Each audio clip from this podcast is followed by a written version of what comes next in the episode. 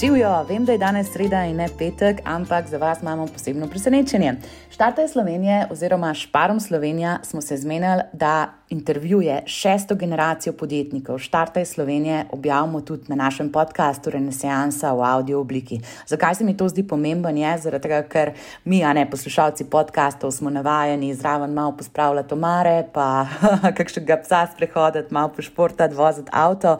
In jaz sem tako navdušena, da vam lahko to ponudimo tudi v audio obliki, zaradi tega, ker njihove zgodbe, ovire, ki so jih mogli premustiti na svoji poti, marketinški nasveti in sam ideja, kako so podjetni, inovativni, je definitivno nekaj tazga, ki smo veseli, da imamo lahko v podkastu. Tako da hvala za čudovito sodelovanje. Vi pa brez skrbi, jesen boste dobivali dvojno dozo epizod, v sredo tele od Štarte Slovenije, v petek pa naše siceršne. Tako da veliko se bomo naučili, dobro se bomo imeli. Pozdravčki, čau! Drage podjetnice in podjetniki, Dobrodošli na vidcastu Štartaj Slovenija, kjer se šesto generacijo podjetnikov Štartaj Slovenija pogovarjamo, katere so najbolj pomembne prelomnice na njihovi podjetniški karieri, katere skrivnosti uporabljajo v svojem marketingu, ter kaj so lekcije, ki so se jih naučili v procesu, da svoje izdelke prvič predstavljajo v trgovinah Interspar in izbranih šparih. Z vami sem podjetniška svetovalka, growth hackerka in najmentorica za startupe leta 2021. Maja je. Pa začnimo. Kaj se zgodi, ko se poročita okusen sladek krompir, pridelan na soravnaven način na Štajerskem in okusna italijanska pašta? To so testenine batasta, ki so skuhane v dveh do treh minutah in wow, so definitivno poslastica za vse nas, ki želimo nekaj novega, inovativnega in fenomenalnega. In kako se je to naredil še na bolj zanimiv način? Se pravi, z nami sta Jan in Martina. Jan je prevzemnik kmetije na Štajerskem, ki se tradicionalno ukvarja s gojenjem sladkega krompirja, Martina pa prihaja iz Avstrije. Ona dva sta se spoznala na Dunaju in se zaljubila in nadaljevala bogato tradicijo pridelave sladkega krompirja, ki jo zdaj lahko vidimo tudi v inovativni obliki testenin. Tako da podajmo se na okusno zgodbo testenin Batasta. Dej, na začetku, če bi lahko mečkim povedala, kako se je vse sploh začelo. Kako ste vi, Jan, ki ste bili tradicionalno dobavitelj od šparaž za sladki krompir, prišli na idejo, da Batasta to predstavite komisiji Štarte Slovenije? Ja, vsa zgodba se je začela več let nazaj. Uh, v bistvu pri pridelavi sladkega krompirja ali ostale zelenjave so neki normativi in recimo neke velikosti, tudi oblike, kar si kupci predstavljajo, da je idealno, kar pač pride na police. In seveda v naravi ni nič idealno, pridejo tudi produkti, kateri so preveliki, premajhni, so smešnih oblik, zviti, zaviti, vse možne stvari.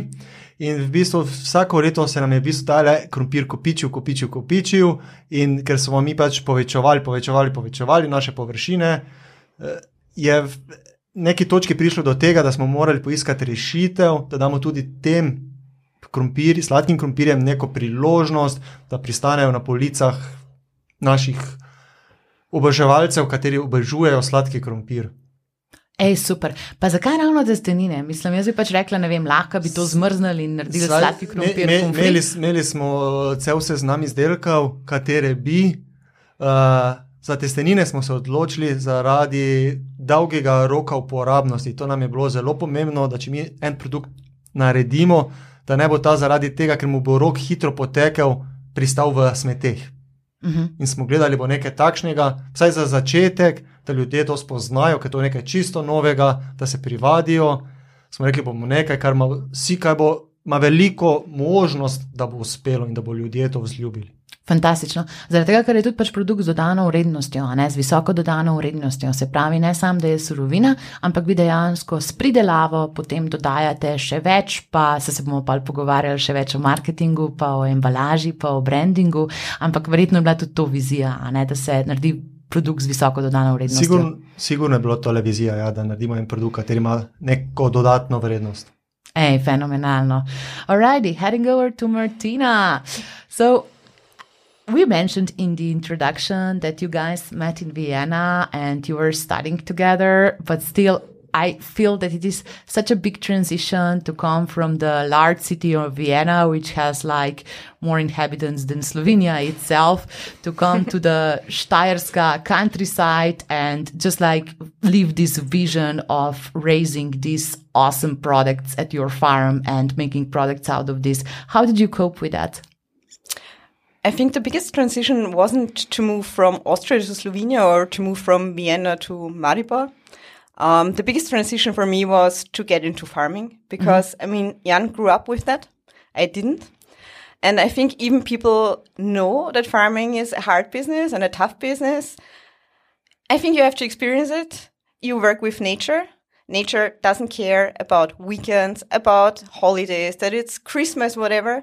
So for me, that was the hardest part of the transition because I didn't understand at the beginning how hard farming really is. I mean, like I said, you work with nature and often you can't do anything. You put all your work in and then you're at home sitting and you you look at the weather forecast. And believe me all the farmers are obsessed with weather forecasts. So they're just checking the weather all the time.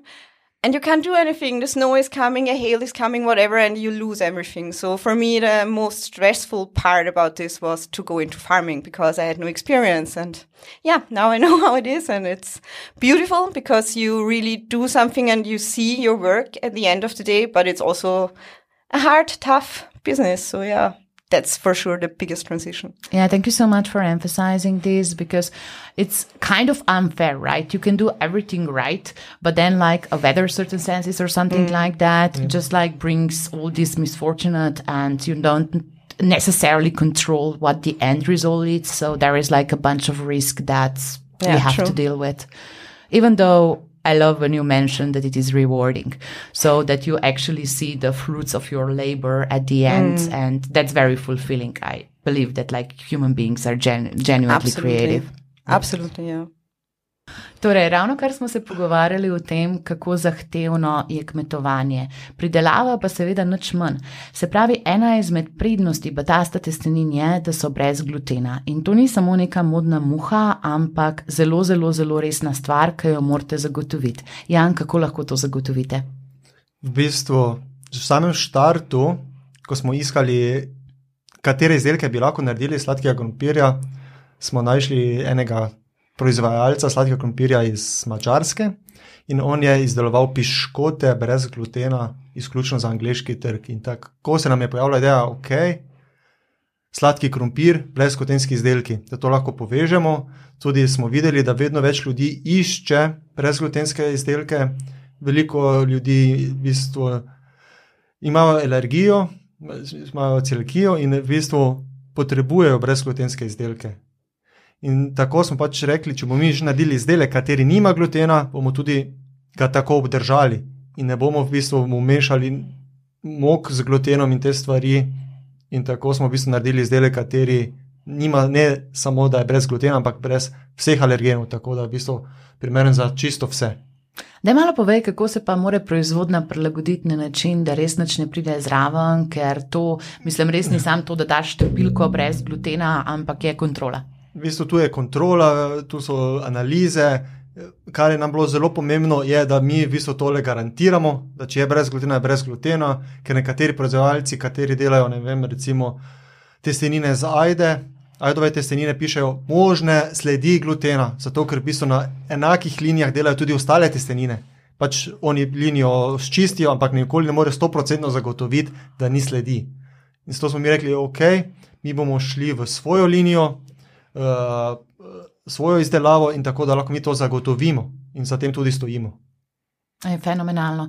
Pa ta, mislim, brezglutensko si res tako, če pride v stik z malo mokce, je to že za stran, pač res tukaj ni eh, kompromisov. Uh, tu ni kompromisov, tudi ker to je zelo nevarna stvar. Uh, nekateri imajo rahle oblike te alergije, nekateri imajo zelo močne oblike in za te močne je to res zelo zelo velik problem. Zaradi tega smo tudi pri našem samem pakiranju morali paziti, da so naše vrečke res nepropustne, da so 100% v bistvu tesnijo. Zaradi tega tudi nismo morali se odločiti, da bomo imeli 100% samo naravne materiale, smo morali iti v vrečko, ker brez tega ne gre. Ali pa bi rekli, bojo izdelki, za katerega ne moremo garantirati, da so brez glutena. Ej, fenomenalno. Meni je to pomembno, ker smo to poudarjali, zaradi tega, ker to blez glutensko, a že včasih se res slišiš, kot sam neki, da pač povečuješ prodajo, ampak v resnici ti to, to vpliva na proizvodni proces in to, kar res odločitev moš narediti, zato da stvar narediš prav, da ja, če se greš igro, kot se zagre, kot se greste vi, um, je pač to zelo, zelo, zelo trdo delo spet. Ok, hvala. And what about the sustainability, Martina? How did you incorporate and just like how would you present that Batasta is a very sustainable product? Okay. Two points. Uh, first point is the whole cultivation of our sweet potatoes. Like I said, we work with nature, so we have a very great interest in keeping it alive. Um, we start, for example, that we do a lot by hand. So we don't go with the big machines on the field to keep the soil light and in good health. We didn't want to use any chemicals on our sweet potatoes, but nevertheless, you have always the problems with the weeds. You have to do something against the weeds. So there is one possibility. You use a chemical treatment. We didn't want to do that. So what we do is we using a foil and this foil is made out of 100% um, biodegradable starch. So it can stay on the field, it will become soil again, so that we don't have to work with any chemicals. We also spare water. So we have a special drop pipe system in the soil that we don't have to waste all the water over the field, so that we only give a little amount of water to the roots. Also, these tubes, they get 100% recycled afterwards. So even with the cultivation of the sweet potatoes is very sustainable. But I think the biggest part is the main idea behind Patasta.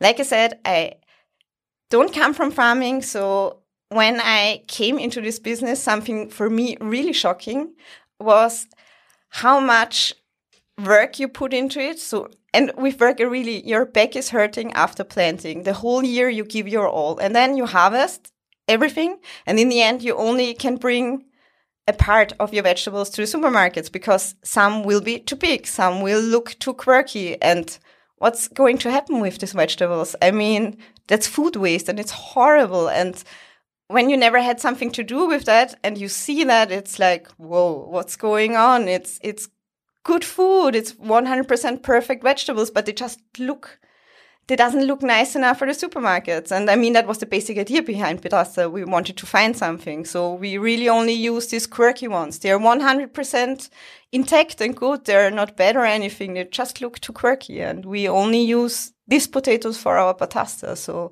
we don't want to waste any food. So we don't waste water. We don't use chemicals. And we give these quirky sweet potatoes the possibility to shine as pasta. So I think that's the main point about pasta. Yeah, I love it because it's all about the standards, right? It's all about how does it flow with transportation, whether we are shopping with our eyes. However, like mm. the product is supreme uh, quality, as you explained, like the efforts that you are putting into that.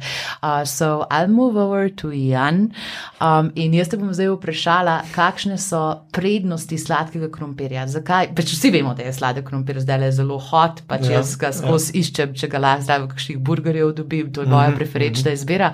Ampak bi lahko pojasnil malo prednosti, teh prehranskih prednosti od sladkega krompirja? Ja, sladki krompir vsebuje veliko vitaminov, naprimer vitamin A, B6, CD, potem tudi veliko mineralov, kot so kali, kalci, magnezi, železo. In veliko mm, antioksidantov, in je v bistvu zelo zdra, zdrav, če tako pogledamo. Um, zdaj, bistvu, če ga primerjamo z normalnim krompirjem, lahko rečemo, da ima pač boljše, boljše lastnosti. Po drugi strani je tudi prej, prej kuhan, prej spečen, porabimo manj energije, ker je tudi energija v zadnjem času problem. Ja, zelo draga je ratala. Ja, seveda, to, to, tole mi tudi smo se pogovarjali v trgovinah na eni promociji. Rekla je ena gospa, super, za naše testenine v dveh minutah kuhano. Rekla bom prišparala na energiji, ker če deset minut wow. kuham, porabim toliko več energije. Wow. Ja, tako da je to tudi v tem smislu, ne samo čas, da prišparamo čas, tudi prišparamo na koncu denar, ker v bistvu energija je postala draga. Se pravi, če bi zdaj povzela hranilna vrednost, hranilne več vrednosti, vitaminov? več vitaminov, hranilne vrednosti, um, visoko hitra priprava. Mm, ja, to je, več, to je to. Pa raznoliko so prehrani, zaradi tega, ker ja, se seveda tudi naveliča skozi eni disti krompirji. Pa, pa raznoliko, kaj vse je možno narediti iz sladkega krompirja, ljudje si večinoma to ne predstavljajo. Ne, Ker jaz ga mo- sam kot pomfrisko spečem. Mo, možno je narediti od predjed, juha, eh, glavna jed, eh, priloga, sladica, vse je možno. Tudi naša ideja je, da bi delali tortice sladkega krompirja. Bi- Tudi to je bila naša prva ideja, da bi s tem v bistvu štartali. Ampak tu je pač, kot sem že prej povedal, bi bilo vprašljivo, v kakšni meri bi to, kako hitro se bi, bi stekla prodaja in glede tem roka uporabnosti. Ne bi pa radi v bistvu dodajali konzervansov, da bi v bistvu podaljševali, podaljševali uporabnost. Ja, le, fenomenalno. Jaz moram definitivno več gledati vaš TikTok, da se naučim kakšnega novega recepta. Glih zadnjič sem videla od Martine, ko je naredila z Urošim Valentina takšen uh, polivko iz marmelado gor praktično. Tako da ja, to bi bilo zelo interesantno. Ampak veš, kaj mi pa še bolj interesantno? So, what fascinates me the most is that there is like association of uh, European sweet potatoes producers, right? And you guys are actively taking part of it. So what do you guys do at this association and how is it transforming the industry? I can't answer directly to your question because it's not not our part is not being part of the association. It's part of the, you know, when we started with the sweet potatoes, they were nearly never cultivated in Central Europe because it's tricky. And when we started, we were one of the first. And we had to get the planting material from the south of Spain. In Spain, it is working because it's much warmer, of course. Um, and when we started, we were nearly the only ones in this region. So then they asked us if we want to help them to retrail the planting materials. And of course, it was a huge opportunity. But nevertheless, I always had, I didn't want to gain money just by retailing something. Because, like I said, I really feel for farmers because I know how much work they put in. So I didn't want to just retail it and make a profit out of it. So I said, okay, let's do it. We will retail it. But nevertheless, I will like I said, we did a lot of mistakes in the beginning. And so I learned a lot. So I said, I will retail, ta- retail the plants, but also I will give them all my knowledge for free. So they get the planting materials from me, but for free, I also will consult them. I go to their place. I, I send them a PDF file, really written down all the mistakes we made just to help them. And since we are doing that, a lot of uh, sweet potato farming increased in Austria, Switzerland, and Germany because we're really helping these farmers to do it. And I think that's really working in both ways. So, of course, I get money for doing that because I'm retailing the plants, but nevertheless, I also help them to do it in a profitable way and increase the sweet potatoes in Central Europe.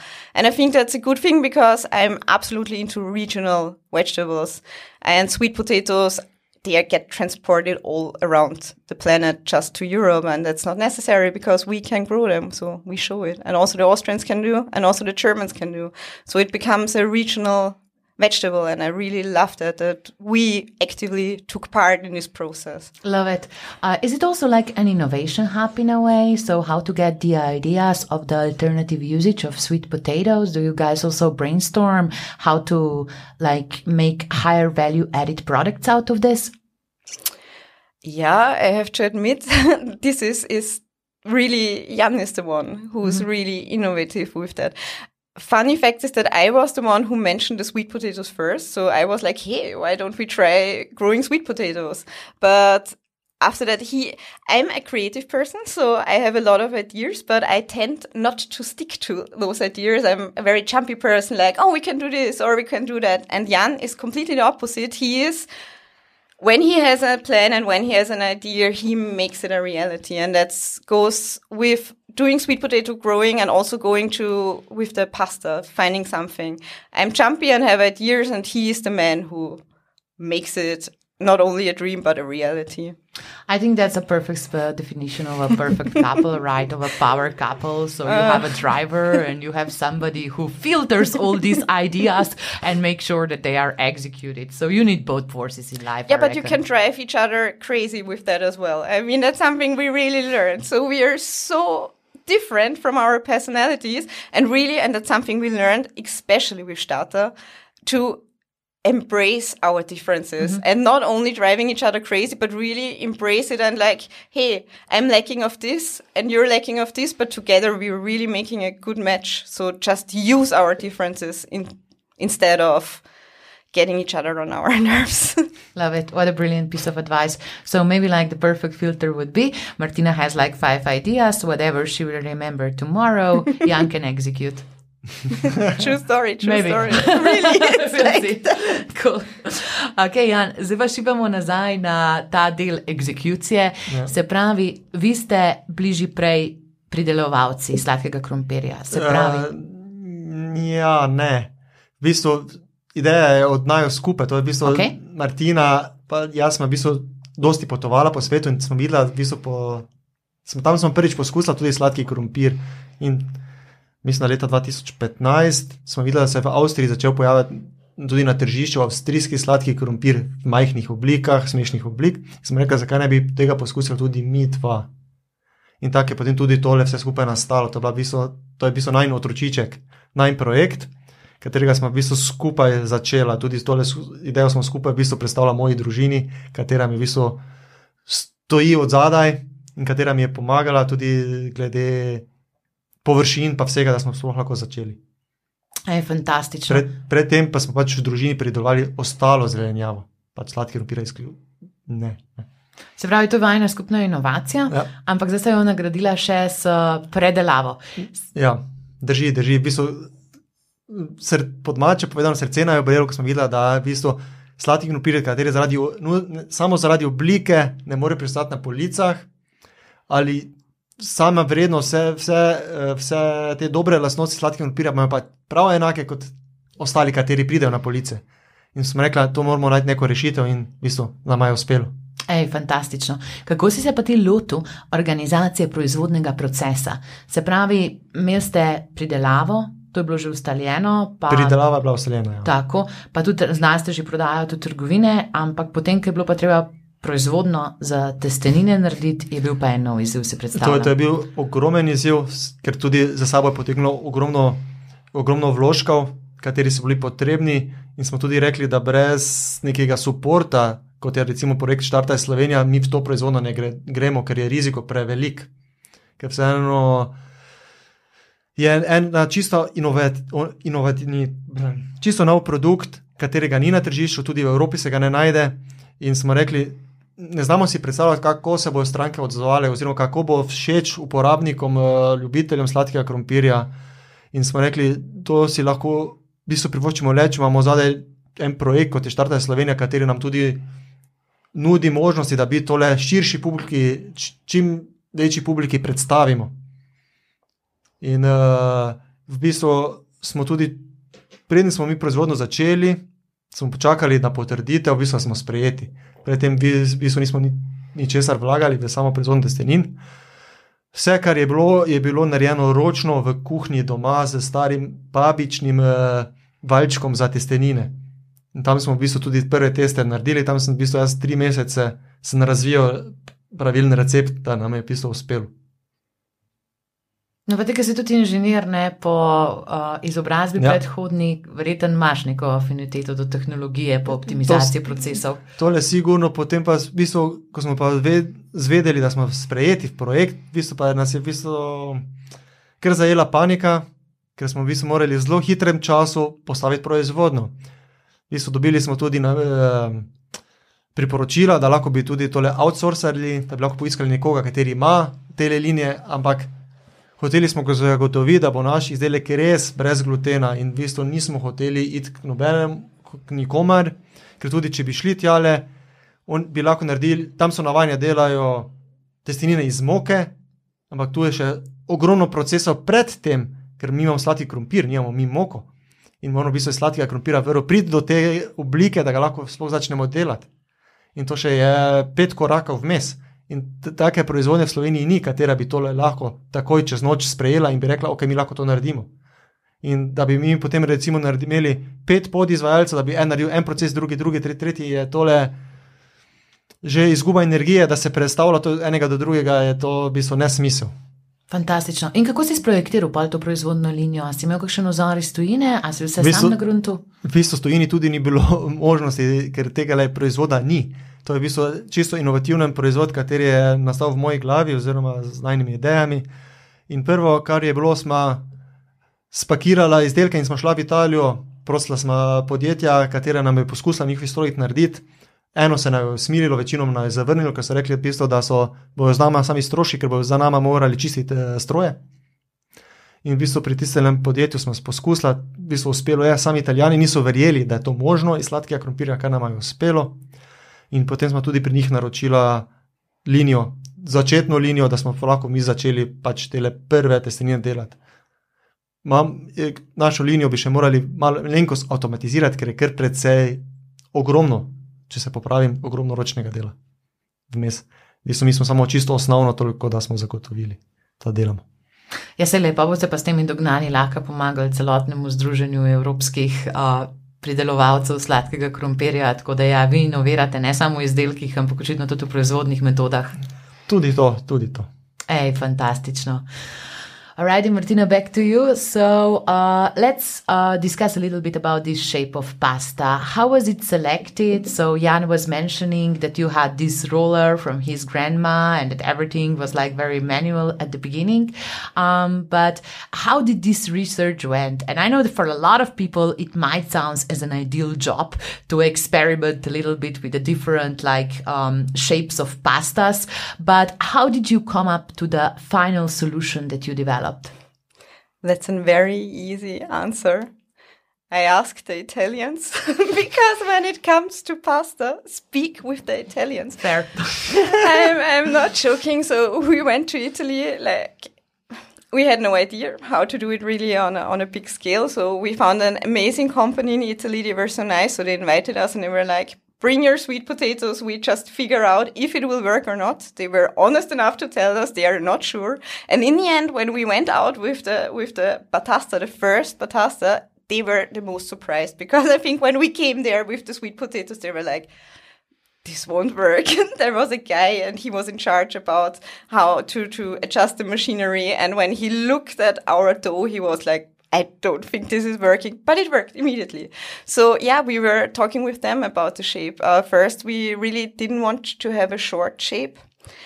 Um, but they mentioned it would be a good idea to go with, with this casarecci. And for me, I think pasta has to transport a sauce. so it has to carry a lot of sauce and this casarecci have they have the ability to take up a lot of sauce. So I liked the shape from the beginning, and so we tried it and it worked. And now we have Padasta Casarecci. Oh, love it. And also in terms of further innovation, because you are like very active on social media, you give us a lot of inspiration, what recipes we could use. Um, I am tempted to try it like purely.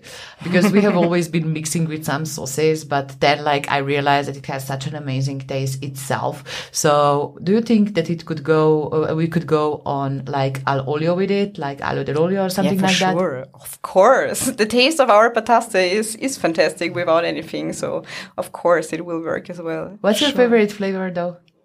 With patasta yeah I like alla vodka. That's quite innovative. It's, it's, it's an amazing recipe, really. I'm, I'm not joking. It's everybody has to try it. How I mean, do you, you do it?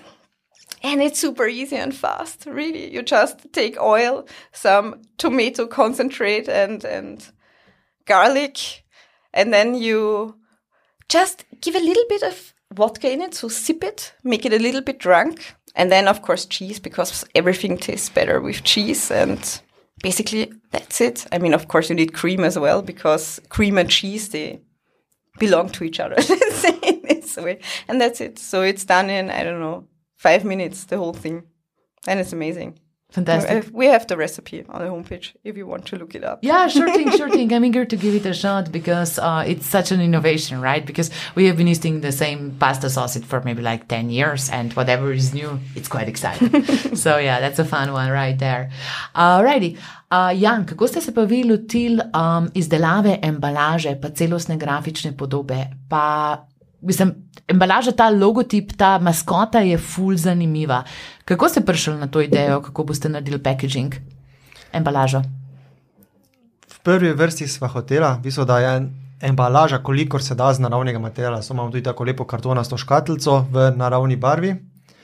In potem smo rekli tudi, da želiva, da se vidi, da ne bo prepoznavna, da bo nekaj ekstra, da bo nekaj privlačnega in da bo nekaj za sladkim krompirjem. Zato smo rekli, da bo naredila figurico iz sladkega krompirja, katera je lahko v različnih oblikah predstavljena in je zelo simpatična. In tudi hitro pade v oči. Fantastično. Vam je kdo pri tem pomagal, sta imela to idejo sama? Kaj veš, kaj jaz razmišljam? Te tradicionalne izdelke, se pravi, te kmetijske izdelke, pogosto greš v en takšen, no, vizualno podobo, ki je bolj konzervativna, se pravi, ki ima več tradicionalnih motivov gor, tole je pa meni nekaj nevidenega. Mislim, take pašte, ja. pa jaz v življenju še nisem videla. To je bila večinoma ideja od Martine, glede same oblike, samega grafičnega oblikovanja. Seveda nam so potem pomagali še v grafični agenciji, kjer so nam vse skupaj oblikovali, mi smo v bistvu podali ideje, pripombe in potem je pač prišlo do tega mm. izdelka. Drugač pa sama potem ideja od zadaj, kako bi naj izgledalo, bolj bila Martinin del, jaz sem imel bolj del proizvodni del. Ja, ja, ja, pa da se materialčke verjetno pol izbere, kot se reče za gluten, da je treba iti z urečko. Ja, v bistvu tole tudi smo, smo privedli pri društvu za celiakijo, kaj je pomembno, kaj, kaj moramo paziti in sem ter tja. In v bistvu, kar je zelo pomembno, da pač tudi moramo gledati, da v proizvodno linijo noter, da moramo paziti, da ni nekdo noter prenese, da ni naprej tem nekdo na malci, pa je ne vem, sendvič, pa potem v bistvu na rokavo prenese malo moke noter in to lahko že preveč. Da to mora biti res ekstriktno in tudi v bistvu v proizvodni delamo čisto sama, nimamo nikogar, tako da lahko smo stoprocentna, da ni, da nam bi kdo bilo kak kontaminiral na en proces. Mm, ni ne, ne, ne namerno, ampak ne namerno, ker se to lahko zelo hitro zgodi. Ja, ja, ja. ja pa hočeš vse delati prav, pa še vedno, ja, tukaj yeah. Ja. ni prostora za napake. So, Martina, what is your favorite element on Batasta pasta? and um, how did you go with the brand vibe? So, why is it so playful that it tastes, uh, it not only benefits our taste, but also our eyes? What was your logic behind this? You know, when you work on such a project, it takes a lot of energy and a lot of time. So somehow it becomes your baby and it becomes something very personal. I mean, I don't know if is it like this for everybody for but for us it was extremely personal the whole project so of course when you invent this thing you want it has to be you somehow and jan and i are a very playful couple let's say it is we were not very serious people and we will never be really. So i wanted to show also with the package a little bit us because it's our baby and that's us. And funny fact is about you know this this this little guy on the package. Um, when we really at the beginning at the beginning of the project when we went to italy and i mean it was stressful we had this time schedule everything was stressful I remember before we went into the car to Italy, somehow, I don't know why, I picked up one of these huge potatoes and drew a face on it and took it with us to Italy. And this guy is a little bit the image of this batasta sweet potato I took with us to Italy. So yeah, it's very personal, the whole package, to be honest. That's so cute. I think you should totally do it when you are doing in-store promotions. Yeah, maybe I should bring him with us. he stars a lot on our TikTok, so people will see him for sure. Oh, it's amazing. Hey, when we're talking about TikTok, I mean, you have been such a rock star regarding TikTok. You're so innovative, so fresh. You have so like awesome ideas. How? What's your take on the content strategy there? Like, how do you invent this content stream that you have? That's a very good question. like I said, I'm a very jumpy person and a creative person. And it's not like I can sit down and make a plan, a create creative plan. So really wherever I am, somehow suddenly I have an idea. Sometimes really when I, in the evening, I lie already in bed shortly before I fall asleep, and then it's like, oh, I have this idea, so I have to get up, write it down somewhere. But then once a week, I really sit down and collect all the ideas I had, and also have to write down if it's possible or not, because sometimes I have two crazy ideas and it's not possible to film it. So the creative part process is in between my normal life, but once a week I sit down and bring in in an order when to film it, how to film it, if it is possible or not. So it's a little bit between being totally chaotic and creative and trying to ground it and make it a reality. So, yeah. Love it how you explain that you channel your creativity and you also bring some structure to it. So, tell us something. How did you make Jan dance? People actually, this question I get asked quite often, and now I tell you the story. Jan loves to dance, and he loves to dance much more than I do. That's the truth. Jan just people see him and they're like, oh, he's such an introvert, shy, calm guy. No, he's not at home. He's crazy like me. And actually, he was the one when we still were living in Vienna. He gave me as a Christmas present once dancing lesson hours. Oh, that's beautiful. So we went for dancing lessons and he dragged me there for months. and it was One mainly him. Hmm? more. More than one year. More than a year. Okay, it was What style did you year. train?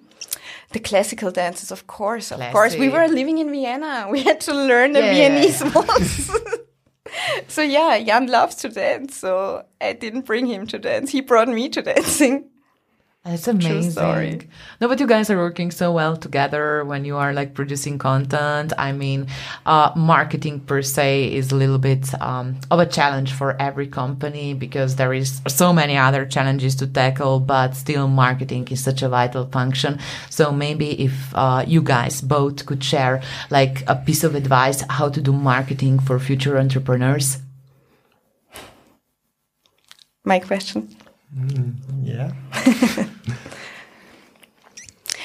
I think that the, the most important thing is that you know your product because you can do the best marketing. If it it's not fitting to your product it makes absolutely no sense and everything has to be a red line. Like i said we are a very playful couple. We play a lot with this being playful we put it on our package so also our marketing is very playful. It would be make absolutely no sense to appear very playful and have a playful packaging and then do super serious marketing. On the other hand if i have a very serious product and go out and be just all about jokes and funny without bringing any information it also wouldn't make sense. So my advice is know your product know yourself and then do the marketing for your product, not have in mind only the marketing without having the product in mind. I think that's the most important thing.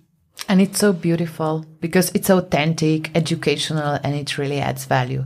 So thanks so much for emphasizing that. Uh, kaj pa Jan, ki si ti bolj naravoslovc, kaj si se pa ti naučil o marketingu? O marketingu? Uh. Ne veliko. Ne veliko, kar prepustiš pol, Martini. Ne, kar se tiče eh, socialnih medijev, ter tega, da v bistvu to 100% prepustim Martini, ker v bistvu sploh zdaj, kot, kot je sezona, sem jaz v bistvu od zore, pa ne do mraka, ampak še v temo, v bistvu zunaj delam, skrbim za to, da v bistvu mi vse pravočasno spravimo. Sladki krompir je v bistvu tropska rastlina in že najmanjši mraz lahko uniči pridelek. In moramo res to res paziti na temperature, temperature, temperature. Že ko sadimo sladki krompir, je problem, ker če, je pod 12, če ima zemlja pod 12 stopinj, plus 12 stopinj, v bistvu ne raste. In eh, to je v bistvu kar uh, ogromen izziv, in to v bistvu jaz sem bolj v tem delu, jaz sem pa prepustil bolj marketing ter socialne medije. Ampak kljub temu si danes tukaj z nami. Martina, would you like But I have, I, yeah, I have to add something. But he has to do all the translations, of course. So he is actually working in marketing, and that's really a funny thing because there is really a language barrier you don't think about. I, I write something down in English or German, whatever. At, at home, we speak German, I have to admit. So, and then he translated, and sometimes it's really impossible to do the things I want to have in Slovene. And that's something There are some we- phrases in, in English, but there are no phrases in Slovene. So, or it, it sounds or- different in Yeah. another language. So mm-hmm. yeah, he actually does something in marketing, and yeah, and I learned Slovene because of him because we are back and forth do the translations together. Wow. Wow. So yeah, he's also working on social media somehow. Hvala za tole, super, super si to dodala. Ja, noč, zdaj nas pa zanima še, kakšni so kaj plani za naprej. Ne? Mislim, kakšni so plani za prihodnost. A je pa ta sta to, kar vidimo zdaj, a se bo kaj širila linija, kaj lahko izdata? Plani so veliki, um, izdama lahko, da se bomo širili, zdaj, v katere se smeri, nekaj bomo še popustili kot skrivnost, da se bodo videli visonajni sledilci. Uh, razmišljamo tudi moče o novih produktih, moče ne bo vse v smeri testenin, moče še bo kaj druga. Pač koncentrirali smo pa zato, da bomo čim več naših, naše zelenjave, katera v bistvu zdaj ni imela neke vrednosti, in poiskali neko novo možnost, piso, da pristane na krožnikih ljubiteljev domače zelenjave. Mm, kaj pa barva NK Maribor? Ja, to, je, to bo. bo, bo. Delamo na tem, v bistvu, brez barvil, brez barvil, delamo z naravnimi materiali, z narav, naravno barvo. Bomo. Tako da se nam mogoče obeta vijolična pašta. Točno tako. Morda. Tak, točno. V, bistvu, v bistvu posadili smo tudi vijolični krompir. Super. To meni, da je meso tega vijoličnega sladkega krompirja vijolične barve in tako bo tudi testenine vijolične. Pa čist drugega okusa. Čisto drugega okusa. Tele oranžne imajo malo, malo privleče, imajo okus mogoče v smeri muškatnih buč, te vijolične pa grejo bolj v smeri maronov, kostanjev in te, tega, te smeri. Oh, ko bi jaz to že imela zdaj za jesen. Zdaj zraven goske pa tole bi bilo odlično. Bi šlo, ne? Bi šlo ja. za Martinovo ja. pojedino. Za Martinovo To bi pojedino bi šlo. bilo to odlično. Pa še malo mošta zraven. In to- Oh, to je to. the best. All right, so we just made a menu what we will do for the wine fest. Um, so I'm totally visiting you guys. You're welcome. awesome, thanks so much. I literally forced that. Uh, but anyways, let's say goodbye by inspiring entrepreneurial thought, something that you learn and would very much like to share to our audience who's inspired to take your journey. What would you say, Martina? Don't be afraid to fail because from failure you will learn the most and it, you will benefit the most. And that's something really I've learned with the whole sweet potato thing.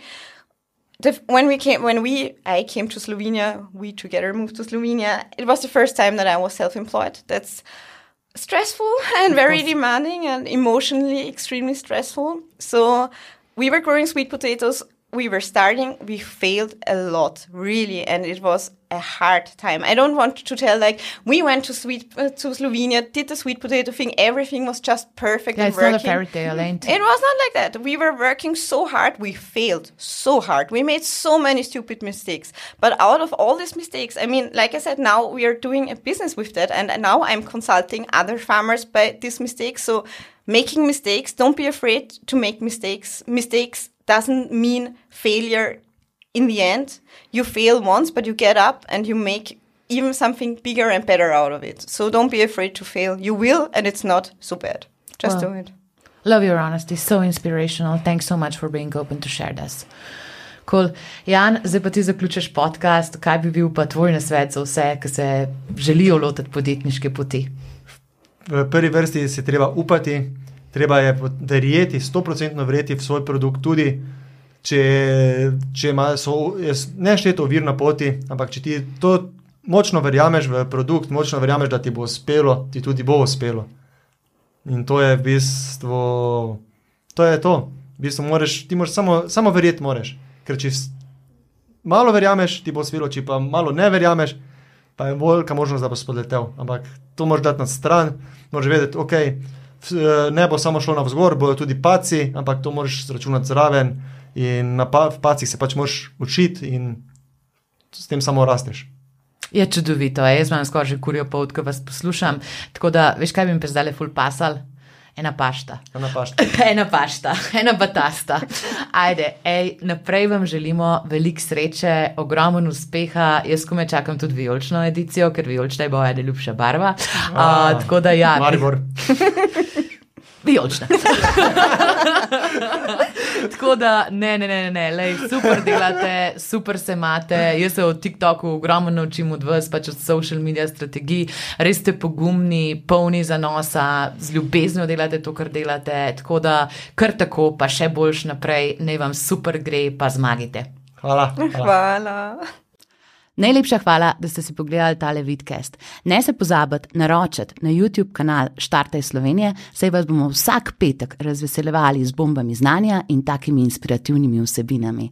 Stisnite nam kakšen všeček, vprašajte nas spodaj dol, kaj v komentarjih, da se tale debata nadaljuje, pa ne pozabite, sami zmoremo marsikaj, skupaj pa vse.